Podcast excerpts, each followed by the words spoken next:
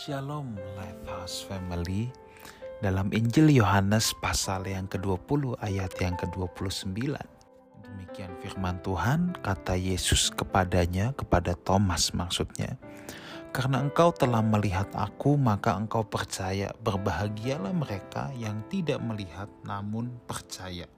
Saudaraku latar belakang dari ayat ini adalah di mana satu dari kedua belas murid Tuhan Yesus ya itu sedang sangat terluka sekali, sedang sangat galau sekali, sebab dia sangat kecewa tentunya.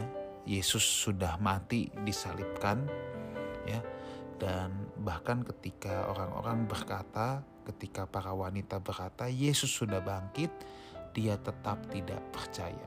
Bahkan dia berkata, sebelum aku melihat bekas paku pada tangannya, dan sebelum aku mencucukkan jariku ke dalam bekas paku itu ya dan mencucukkan tanganku ke dalam lambungnya sekali-kali aku tidak akan percaya. Itu dicatat di ayat yang ke-25 nah saudaraku lantas apa yang terjadi? Yesus menjumpainya dan berkata ayo ulurkan tanganmu cucukkan ke lambungku.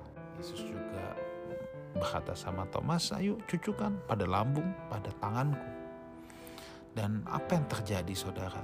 Thomas akhirnya tersadar dan dia berkata, ya Tuhanku dan Allahku. Apakah Yesus memuji dia?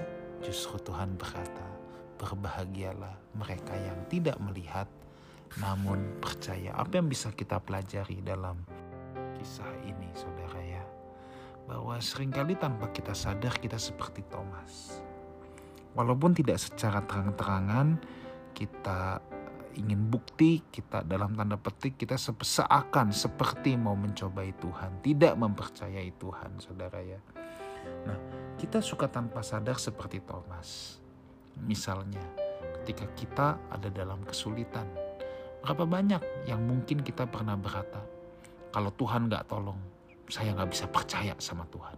Wah ini udah ada unsur nggak percaya plus ngambek saudara. Ada lagi yang berkata, kalau penyakitku ini nggak sembuh, buat apa gue ke, ke gereja lagi? Misalnya gitu. Buktikan kalau Tuhan itu ada. Kalau Tuhan ada, penyakit ini harus bisa sembuh. Masalah ini harus bisa selesai. Nah saudara, sering kali kita seperti Thomas saudara. ya. Tetapi di sini kita belajar bahwa Percaya itu kan mempercayakan diri kepada objek yang kita percayai.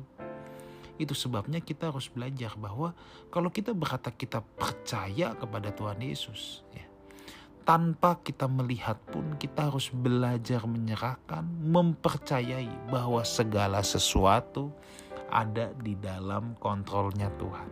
Sekalipun kita belum melihat sekalipun saat ini pertolongan belum datang, nampaknya belum datang dalam hidup kita.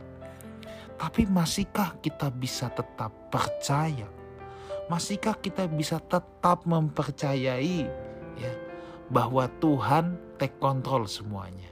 Kalau saudara bisa mempercayai itu, saudara tidak jadi meragukan Tuhan, maka ayat ini berlaku untuk saudara. Berbahagialah mereka yang tidak melihat namun percaya. Diawali dengan kata berbahagialah.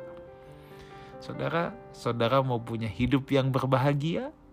Mari belajar yuk. Saya mau ajak kita semua belajar mempercayakan bahwa segala sesuatu ada dalam kontrol Tuhan. Kiranya Tuhan Yesus menyertai kita semua.